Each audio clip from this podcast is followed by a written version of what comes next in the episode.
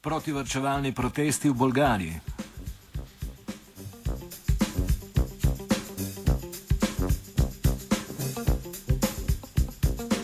Kot smo poročali že včeraj v Alfu, je v Bolgariji zaradi množičnih protestov odstopila desno populistična vlada Bojka Borisova.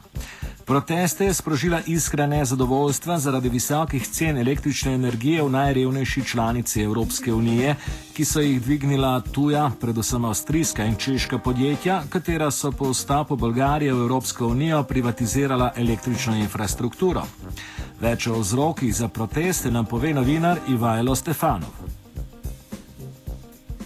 Uh, yes, it's true that it started against the high electricity especially against the monopoly companies here in Bulgaria. Uh, that one of it is uh, from Czech Republic, this CEZ, and the other are with some foreign capitals. Uh, I don't remember at the moment which which one.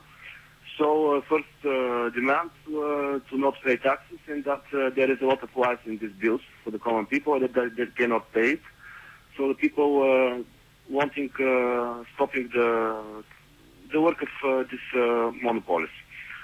But uh, then it went to the totally anti-government slogans, and everybody was wanting not only the resigning of government, but also the change of political system. And this is what right now most of the people are wanting. So for the first time in Bulgaria, for the last uh, 23 years, maybe this high attitudes against all political parties.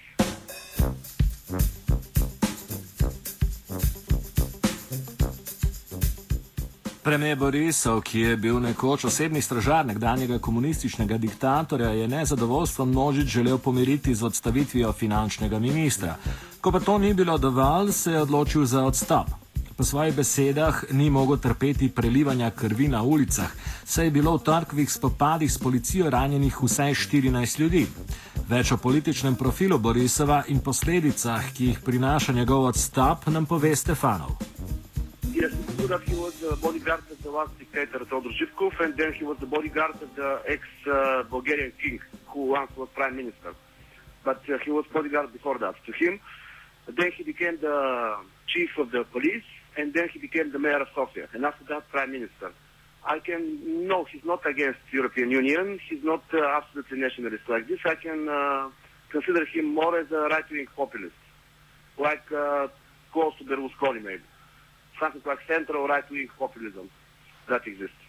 And uh, now, yes, for the first time, we didn't expect that he will resign so quickly, but it happened, and now it's in very, very strong political crisis because nobody knows what to do.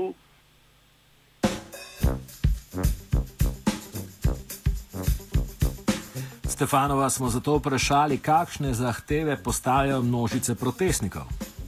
Yet they don't understand direct democracy, maybe in the way of the Occupy movement, in direct democracy movement, but they want something similar to what happened in, uh, happened in Iceland. They want to change the political system. They want uh, to call the great uh, parliament, how is this in English? I don't know. Why not the common parliament, but this one that can change the constitution.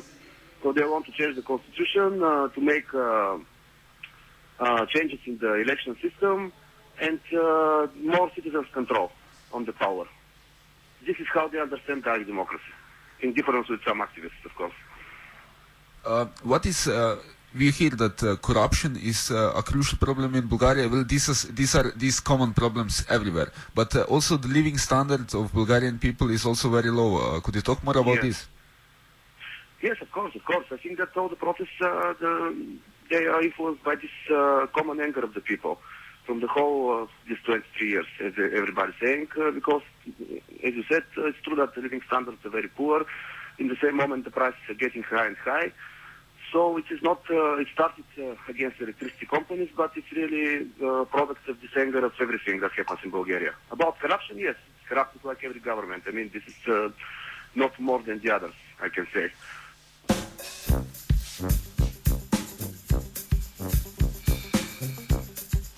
Stefanov nam nadalje razloži, kakšna je siceršna politična doktrina glede privatizacije javnih storitev v Bolgariji.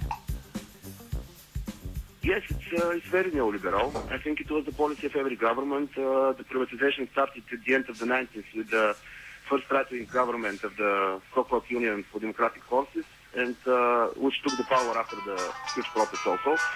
and they make the, this uh, shock therapy and uh, fast privatization. So there are not many things that uh, are not privati- privatized till now. But uh, for example, I can tell you that just before this protest to start, it was a small protest uh, of some people, but uh, it was against the privatization of the national uh, railroad system, the national trains. trains. Uh, this is one of the things that is not privatized still, and they wanted to privatize it. Uh, also, there was a, a very big strike in one machine factory in one small city in Bulgaria uh, because they didn't have salaries for months, the workers there, and there were some actions in solidarity of them, and uh, they also discussing uh, its privatization of this factory. So there are a few things that are not privatized, but uh, yes, the government wanted to privatize also them. O resnosti situacije v Bolgariji pa priča tudi dejanje 26-letnega mladeniča, ki je umrl med samo zažigom. The police said he was he was a mentally challenged person. Uh, is that a discreditation of his act, or uh, Yes, is this is of him. I don't know exactly, so I cannot say for sure if he's uh, mentally ill or not, but I think that this is more uh, made by police, yes. Because we know from the history a lot of uh, times that people self-burn themselves, so you cannot say that just they are mentally ill. how did uh, how did the protest uh, the the mass of protesters um, uh, how did they understand his act? Uh, was is it is it really so far in Bulgaria that uh, uh, such a strong statement has to be made?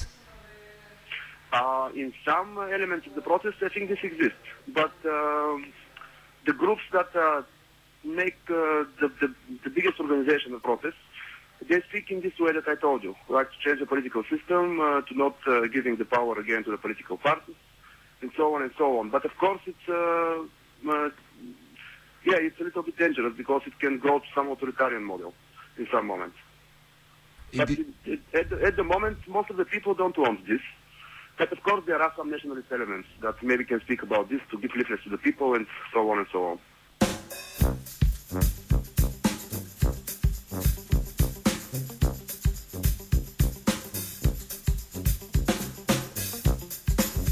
Offset je pripravil Luka Tatičkovič.